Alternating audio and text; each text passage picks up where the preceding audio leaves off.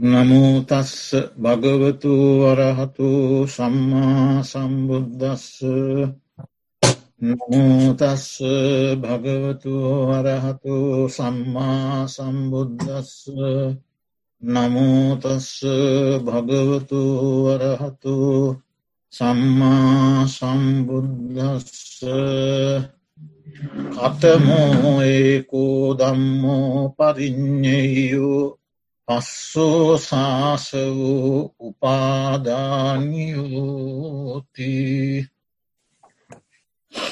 ශ්‍රද්ධාවන්ත පින්වතුනි අපි මේ කොරෝනා වෛරස් ව්‍යාපෘතිය නිසා මේ කොරෝනා වෛරසය ව්‍යාප්තවීම නිසා අපි අතර තිබුණ ගිහි පැවිදි සම්බන්ධතාවයට අලුද්දක් වන්නට ඉඩ නොදී ඒ සම්බන්ධතාවයන් ඒ අයුරින්ම පවත්වාගෙන යෑමේ අභිලාශයෙන් විහාරස්ථානයත් දායක පින්වතුන් අතරත් තිබෙන සම්බන්ධතාවයක් බිඳ වැටෙන්න්නට නොදී ඒවා පවත්වාගෙන යෑමේ අදහසින් ආරම්භ කරන ලද මේ ධර්ම දේශනාමී වැඩ සටහනේ ධර්ම සාකච්ඡාමී වැඩ සටහනේ තවත් එක් දිනයක් දැම් මේ සිදු කරන්නට බලාපොරොත්වෙන්. අපි තෝරාගත්තේ දීගනිකායේ දසුත්තර සූත්‍ර දේශනාව සාරිපුත්ත මහරහතන් වහන්සේ විසින් දේශනා කොට වදාළ. එහි අපි දැන් මාතෘකා දෙකක් ඉගෙන ගත්තා. අප ශක්ති පමණින් අපි ඒ කරුණු සාකච්ඡා කළා. අද අපි ඉගෙන ගන්නේ හාත් පසින්ම දැනගත යුතු එක ධර්මය එවැනි ධර්ම දහයක් මේ දේශනාව තියෙනවා හාත් පසින් දැනගත යුතු ධර්ම දෙක හාත් පසින් දැනගත යුතු ධර්ම තුන හාත් පසින් දැනගත යුතු ධර්ම හතර ඔයදියට දහය දක්වා තිබෙනවා. එයින් අද ඉගෙන ගන්න පළමුුවෙන්න. ඒකෝ දම්මෝ පරිින්්ඥයෝ. හාත් පසින්ම සම්පූර්ණ වශයෙන්ම විශේෂ වශයෙන් දතයුතු එක ධර්මයක් තියෙනවා. කුමක් දේ ධර්මය ආශ්‍රවයන්ට සහ උපාදානයන්ට ප්‍රත්‍ය වූ ස්පර්ශය. දැන් මේ දේශනාවේ රිජ්ජුව බැලුව මෙහෙම අර්ථයක් නෑ.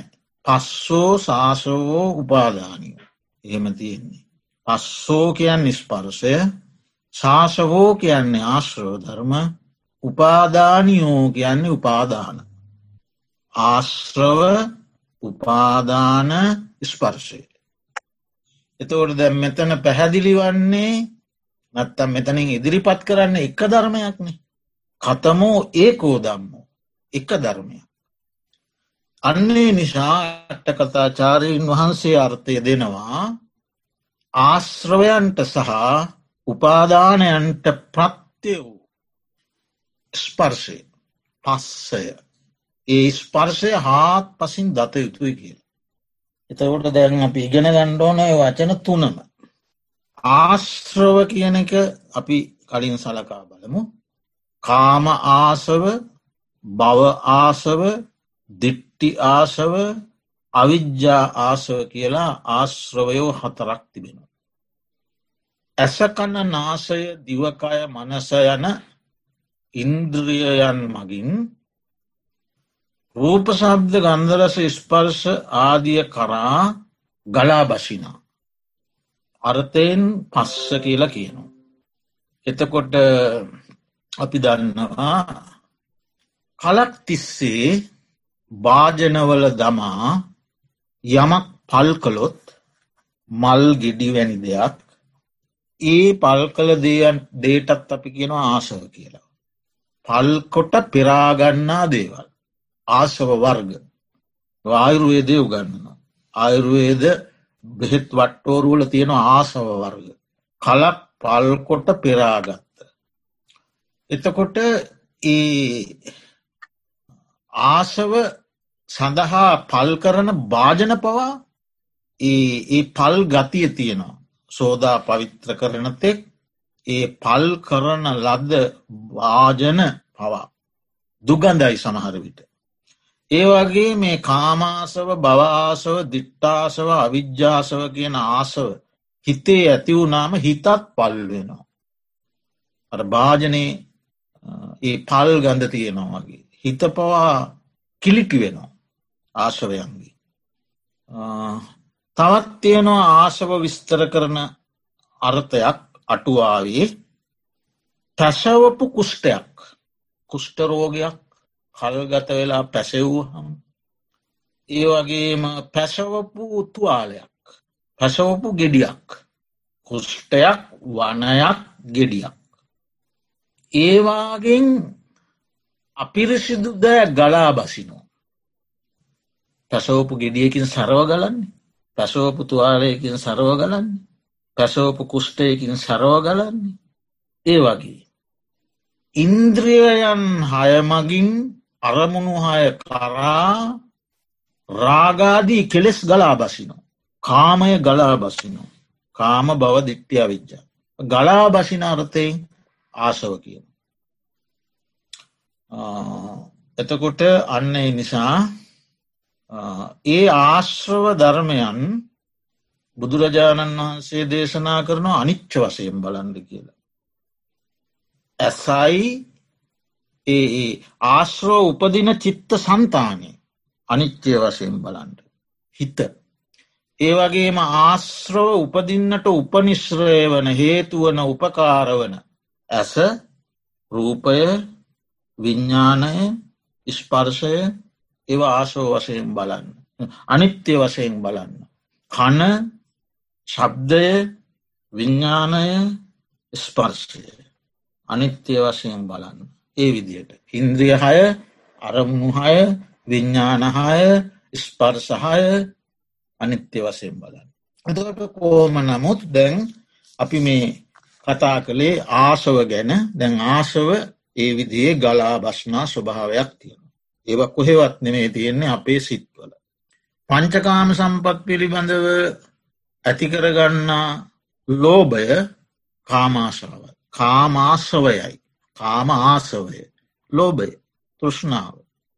එතකොට බව ආසව රූප අරූප භවයන් පිළිබඳව සහ ඒ රූපාවචර අරූපාවචර ධ්‍යාන පිළිබඳව. ධ්‍යානත් භවයනු පිළිබඳව තියෙන ලෝභය තෘෂ්ණාව තමයි බව ආසව.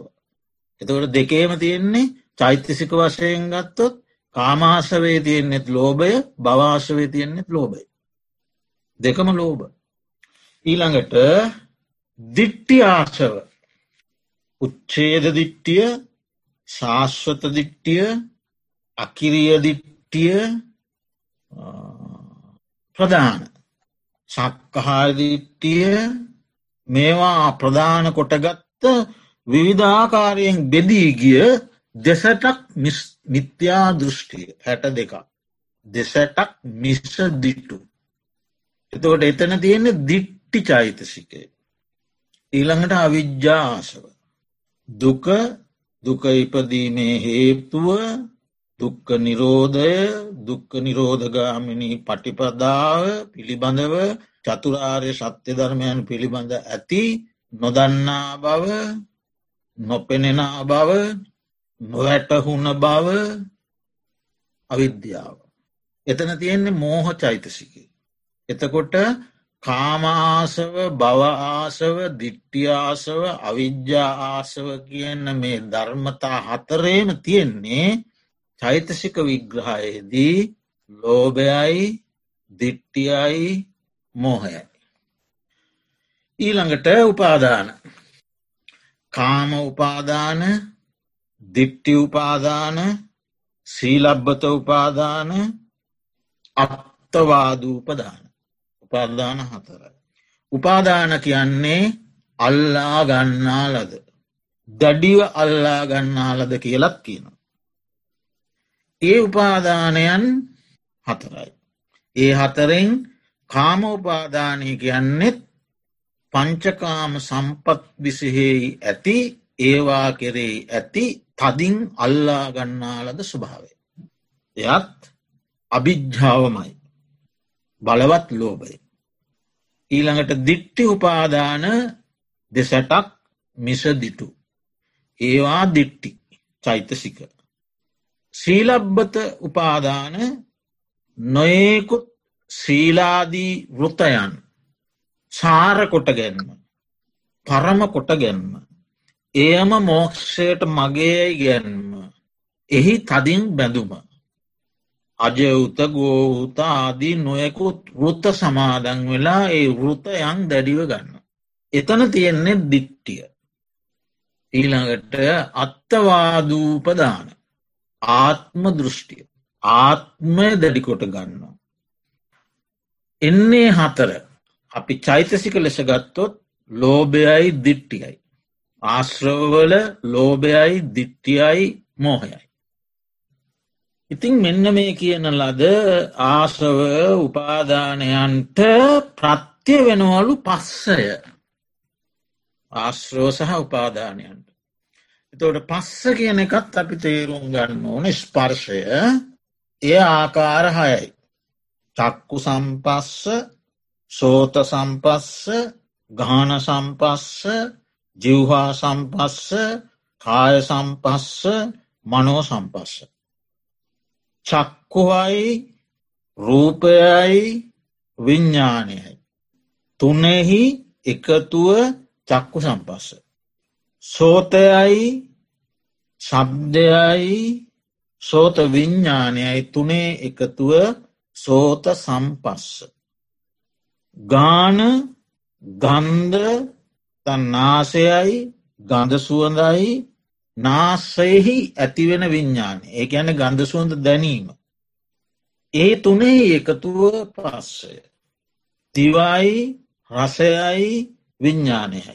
තුනෙහි එකතුව ජිව්හා සම්පස්ස. කයයි පොට්ටබ්බයයි විඤ්ඥානයයි තුනෙහි එකතුව කාය සම්පස්ස. මනසයි දහම් සහ විඤ්ඥානය එතන දහම් කියන සිතුවිල්. මනස සිතුවිලි විඤ්ඥානය. තුනෙහි එකතුව මනෝ සම්පස්ස. එතවට මේ පස්ස පටිච්ච සමුපාදයේදී පස්ස පච්චයා වේදනා. වේදනා පච්චා තන්හා. අන්හා පච්චා උපාදාන. එහෙම නේ දෙන්නේ.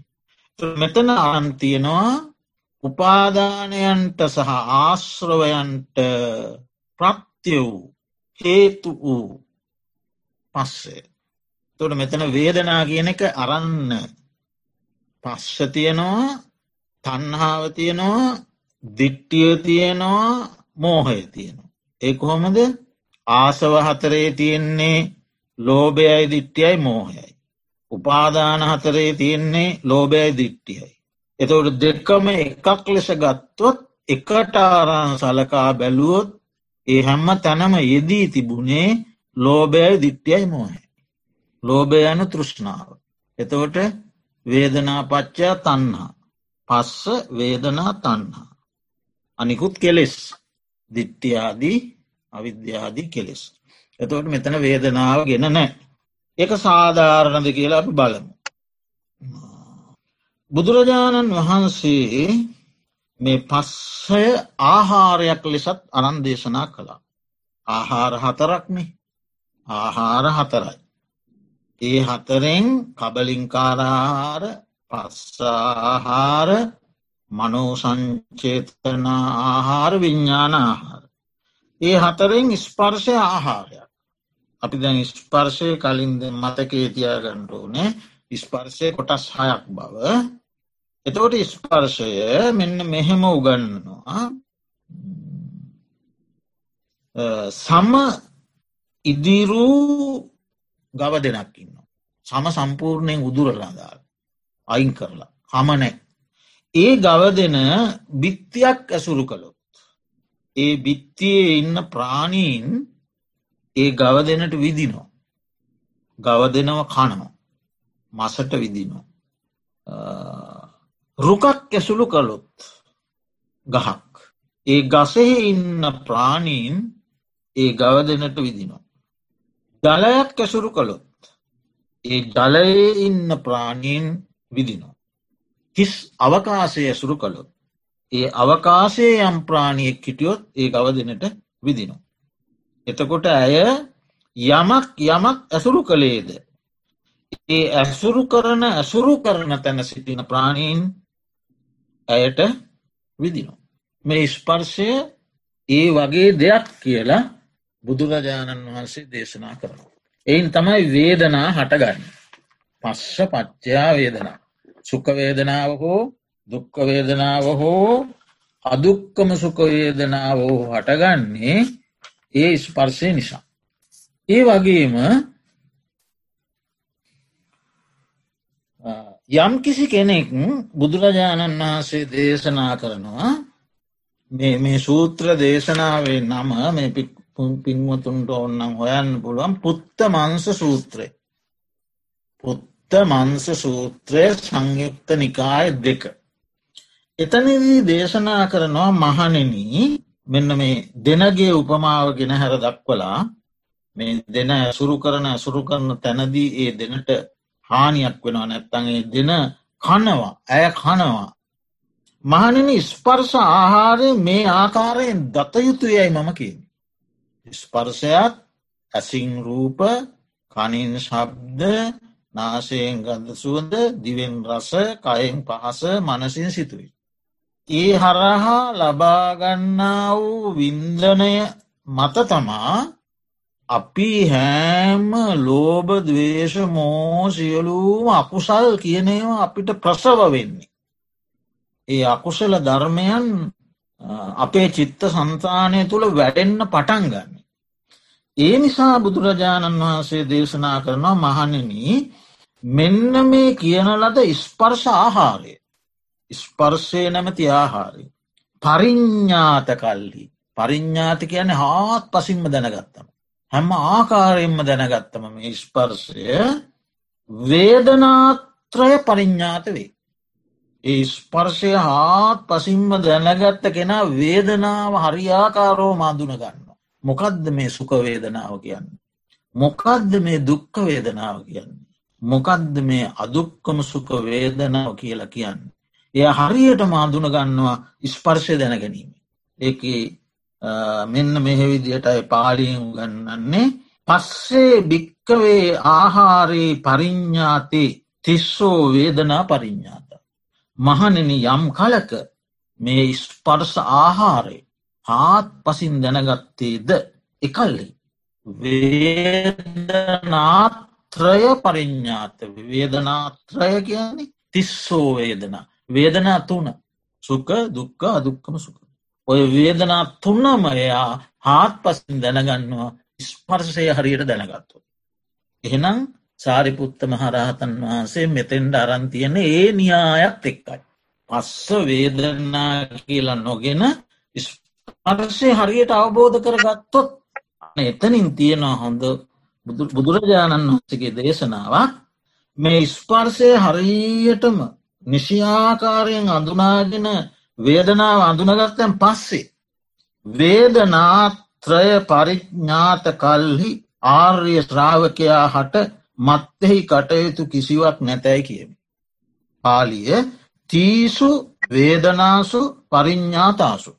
මේ කියන ලද තුන්වේදනාව හාත් පසින් දැනගත් අරිය සාාවකස්ස. ආර්ය ශ්‍රාවකයා හට නත්ති කිංචි උත්තරින් කරණී අන්ති වදාමි. මතු කළයුතු යමක් ඇතැයි මම නොකියමි. එයාටයි කරන්ඩ දෙයක් නෑ. එතකොට මේ ස්පර්ශාහාරය හාත්පසින් වටහා ගැනීම තුළින් වේදනාත්‍රය වටහාගත්ත තෙනාට ඒ ආර්ය ශ්‍රාවකයාට මත්තු කළයුතු යමක් ඇතැයි මම නොකියමි. අය කරන්ඩ දෙයක් නෑ කියල කියන. එක ඇනමොකක්ද. එතනින් ඔහුගේ අරිහත් මාර්ගය සම්පූර්ණ වෙලා. ඒ තරම් මේ ස්පර්ශය බලවත්. ඒ අවබෝධ කර ගැනීම අත්තිස්සයින් අවශ්‍ය දෙයක්. ඒ නිසා සාරිපුත්ත මහරහතන් වහන්සේ දේශනා කරනවා ආශ්‍රවයන්ටත් උපාධානයන්ට මෙන්න මේ පස්සය ප්‍රත්වෙනවා. ඔහු වේදනාව පිරිසිද දැනගන්නවා.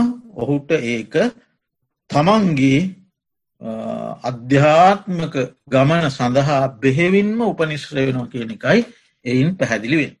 ඊළඟට සංයුක්ත නිකාය තවසූත්‍ර දේශනාවක් තියෙනවා. ඒ දේශනාවෙහි දේශනාව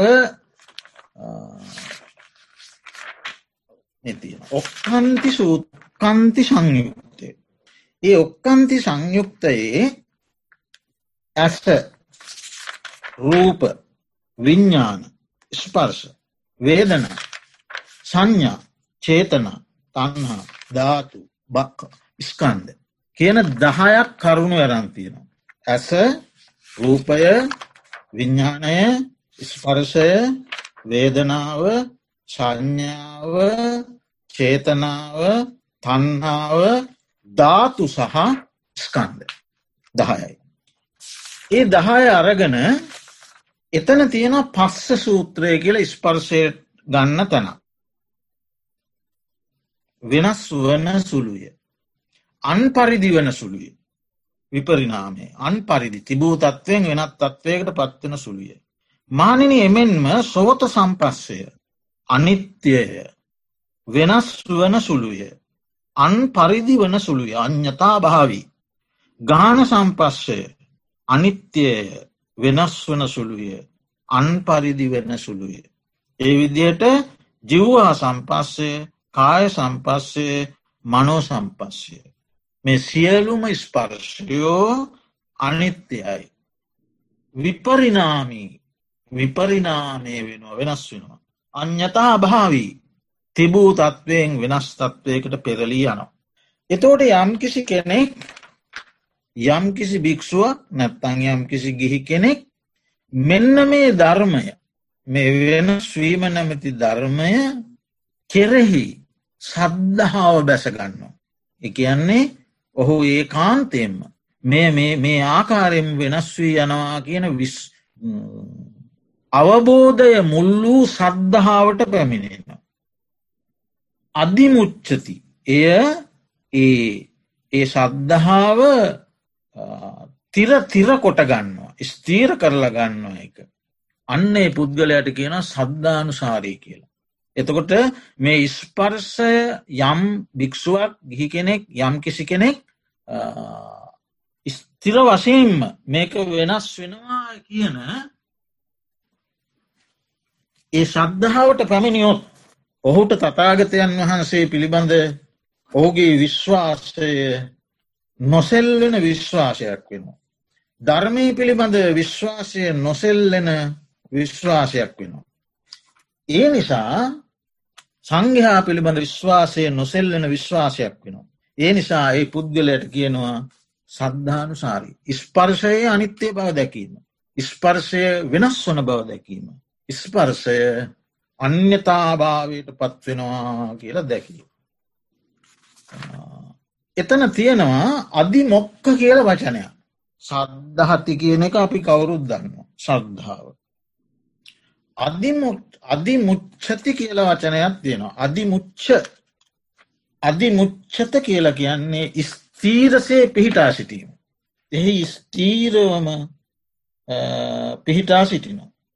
එතකොට විමෝක්ෂය පිළිලබයිද කියලා තමයි අට්ටකතාචාරීන් වහන්සේලා දක්වන්නේ ස්තීරෝ පිහිටා සිටීම වචනයේ අර්ථය. එතකොට අන්නේ පුද්ගලයා සද්ධානුසාරී වෙනවා. ඒ නිසා මේ පස්ස සූත්‍රය නැත්තම් මේ පස්ස කියන මේ චෛතසිකය නැත්තම් මේ ධර්මතාවය ඇසයි රූපයයි විඤ්ඥානය තුන එකතුව චක්කු සම්පස්ස ඒදයට ස්පර්ශ වශයෙන් අපි ගත්ත දේවල් වල අනිත්‍යතාවය සැලකීම අපි හැමදිනාටම අත්තිශයින්ම උපකාර ධර්මතාවයක් බව කල්පනාවට ගන්ට ඕන. ඒක නිසා තමයි සාරිපුත්ත මහරහතන් වහන්සේ කතමෝ ඒකෝ දම්මෝ පරිින්්ඥයෝ පස්සෝ සාසවෝ උපාධානයෝ කියලා පැහැදිලි කළේ. ආශ්‍රවයන්ට සහ උපාධානයන්ට ප්‍රත්‍ය වූ ස්පර්ශය හත් පසින් දැනගත යුතුයි. එසේ නම් මෙතෙක් වේලා මේ ධර්මශ්‍රවනයට සවන්දීමෙන් උපදවාගත්ත කුසල ශක්තිය ඔබටත් අපටත් පරලෝසපඥාතීන් සහිත දෙවියන් සහිත ලෝකයාටත් නිර්වාණ සුවසාන්තය පිණිස හේතුවේවා කියලා පාර්ථනා තබා ගනිමු. ඒ වගේම අපිට මේ පොඩි ප්‍රශ්නයක් ඇහුවා කවුද අපේ යමුනා නෝනහමත්මී. ඒ ප්‍රශ්නය නාමරූප මට නැවත ප්‍රශ්නය කියන්න. හාමුදුරනේ නාමරූප දෙකෙන් විඤ්ඥානය නාම ගොඩට අයත් වෙනවද කියලා තමයි මෙහෙමයි. අර රූප වේදනා සංඥා සංකාර විඤ්ඥාන කියන පංචුපාදානස්කන්ද පිළිබඳ බෙදීමේදී වේදනා සංඥා සංකාර විඤ්ඥාන. හතරම නාම කොටසටත් රූපේ රූප කොටසටත් විග්‍රහ කිරීමක් තියෙනවා. එක ඒ විග්‍රහ කිරීම අනුව ඔන්න විඤ්ඥානය කියන එක නාමයක්. රූප වේදනා සංඥා සංකාර විඤ්ඥාන. පහයිනි පහයන් රූපයේ රූප කොටසටත් වේදනා සංඥා සංකාර විඤ්ඥාන හතර නාම කොටසටත් ගෙන කෙරෙන අර්ථකතනයක් තියෙනවා. ඊළඟට නාමගොඩ නාම කියන කොටස සංයුක්ත නිකාය දක්වලා තියන්නේ වේදනා සංඥා චේතනා ස්පර්ස මනසිකාර. වේදනා සංඥා චේතනා පස්ස මනසිකාර. ඒ නාම. එතෝට එතන විඤ්ඥාන කතාවක් නෑ. වේදනා සංඥා චේතනා ස්පර්ශ මනසිකාර. එතන විඤ්ඥානයක කතාවක් නෑ. තරබෙදීම අනුව විඤ්ඥානය නාම ධර්මය. ඊළඟට පටිච්ච සමුප්පාද දේශනාවේදී අවිද්‍යා සංකාර විඤ්ඥාන නාමරූප හෝ. එතනත් විඤ්ඥානයේ නාමරූපයන්ට ප්‍රත්ති වෙනවා නාමරූපයන් විඤ්ඥානයට ප්‍රත්ති වෙනවා කියලා තමයි ඒ පටිච්ච සමුපාද පිළිබඳ දේශනාවේ දැක්වෙන. ඉතිං ඒ වගේ එතකොට ඒවත් එක් අර මුල් පංචෝපාදානස්කන්දය බෙදීම සලකා බලන්ට ගියාම ගැටලුවක් මතුවෙනවා. ඉතිං මගේ මගේ පෞද්ගලික අදහස මම මේ කියන්නේ. මං ඉතින් කියන්නට කිසිම ලජ්ජාවක් වියතු නෑ.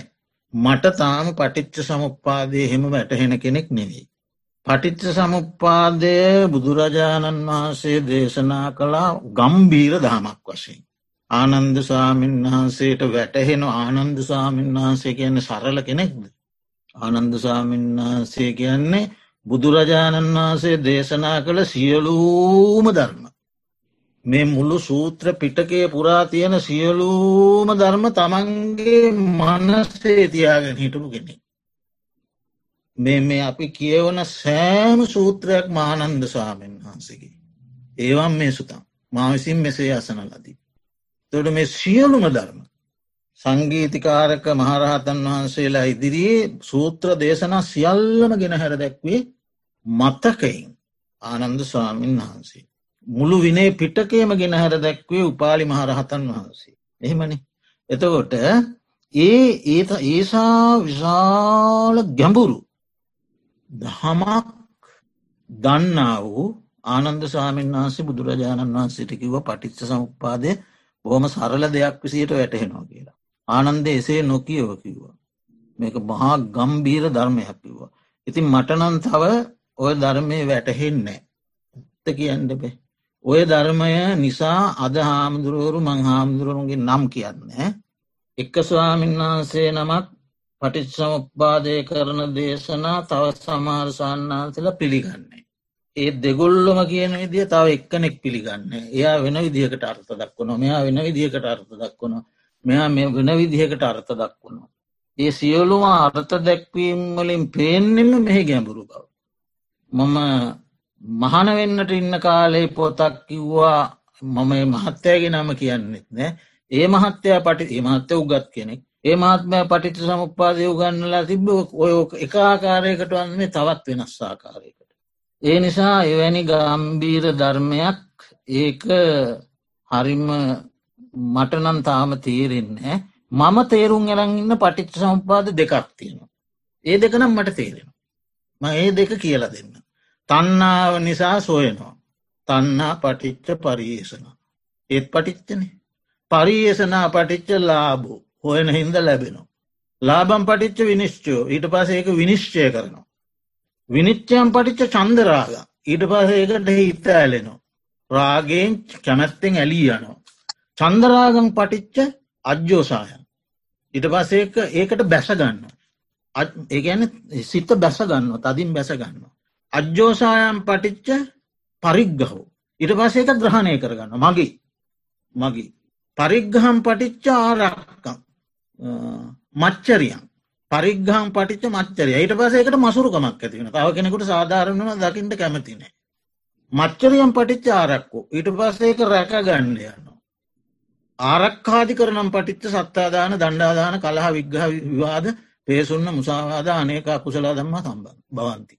ඊට පස්සේ ස්තැත් අතට ගන්නවා අවි අතට ගන්නවා දඩුමුගුරු අතට ගන්නවා ඔවුනොවුන් අතර වාද විවාද හිස්න් බස්න් පිසුණු බස්සන් කේලම් මහදිය පැතිරිලා මුළු මහත් ව්‍යසනයක් ඇතියෙන.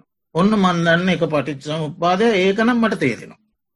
ඊළඟට මන් දන්න පටිච්ච සම්පාදයක් තියෙන මෙහෙම.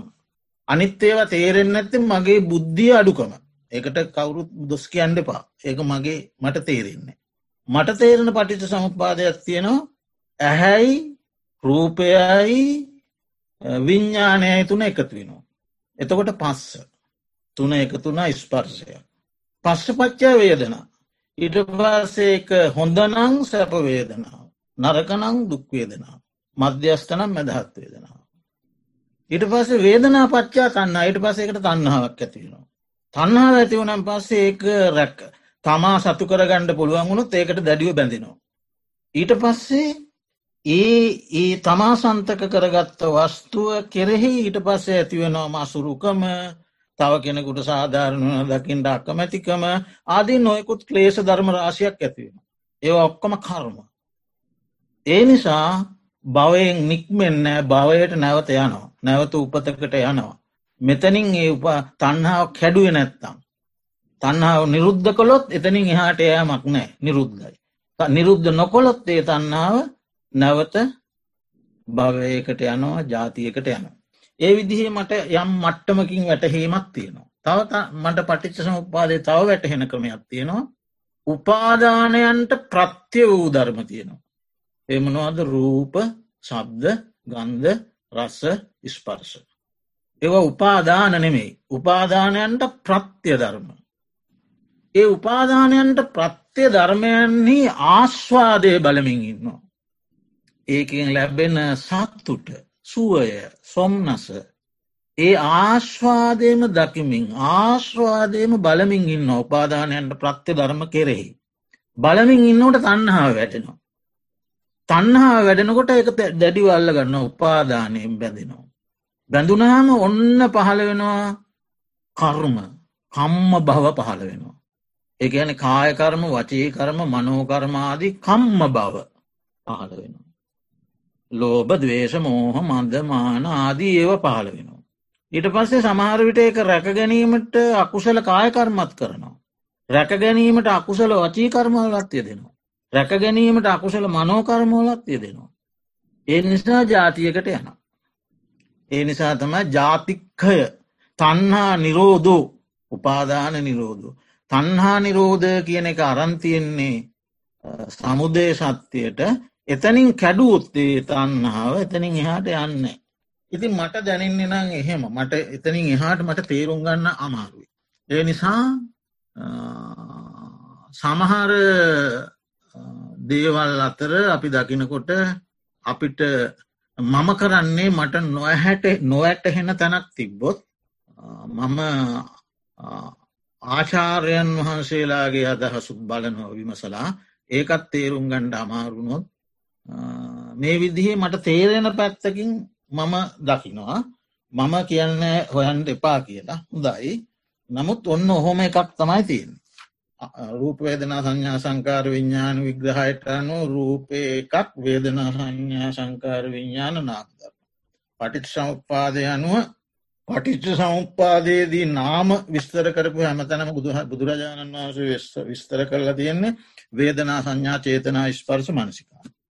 තකට පටිච් සමුපාද න්‍යාය අනුව ඒකේදී ධර්මතාය දෙන හැටියට නාම රූප පච්චා විඤ්ඥානං විඤ්ඥාන පච්චා නාම රූපම් මේ දෙනක එකට එකක් ප්‍රත්ති වෙනවා කිය. තින් මේ පින්වතුන් තවදුරටත් ඒ පිළිබඳ සොයා බලන්න මට දැනෙන තැන තත්ත්වය තමයි මම ඒ මතක් කළේ තව මොනොහරි ප්‍රශ්නයක් තියෙනවන කතා කර. හොඳයි හාමුදුරන පින්සිදුව. හාමුදුරුවනේ එතකොට මේ පස්සේ ගැන කතා කරනකොට ආකාර හයකින් දැන් විස්තර කරා අර නාම රූපයේ එන අදිවචන සම්පස්සයයි පටික සම්පස්සයයි වෙනම දෙකක් හාමුදුරුවනේ. ඕ අධිවචන සම්පස්ස සහ පටික සම්පස්සනන්න ඕන මත්‍ය මං ආපව බලන්න ඕනේ. මට ඒක පිළිබඳ දැන් එක පාට විග්‍රහයක් කරන්න අමාරුයි. ඇත්තම මමාර මුලින්ම කිව්වේ මේ මේ පටික් සම්පාදයක්ත් එක්ක මට මේ හරි මං ඒක බලන්න මට මතකයි තියෙන තැන අධිවචන සම්පස්ස සහ පටික සම්පස්සේනේ එහෙමයි හම්බුවන අධිවචන පන්ස සම්පස්සයයි පටික සම්පස්සයයි එහෙමයි හම්බුවන ඒ දෙක මම් බලන්න බලම උත්තරය හොඳ තෙරුවන් සන්නහම් තෙරුවන් සන්නයි නොන මහත්තය අයේ මං ඒප සූත්‍රය බැලුවද? පුමුදුනේ නොන මහත්තය මන් දිගට බලාගත්. ඊයේ මට නෙමෙයි පෙරේ පෙරේද පෙරේද මම කිව්ව. ඒක බැලුවන්නේ හොඳ එහෙනම් තෙරුවන් සරණයි අපේ සංග සතිපට්ඨාන සූත්‍රයේ සාකච්ඡාව අපිට කරන්න බැරිවුණ අපි ඒක හිමීට පටන් ගනින්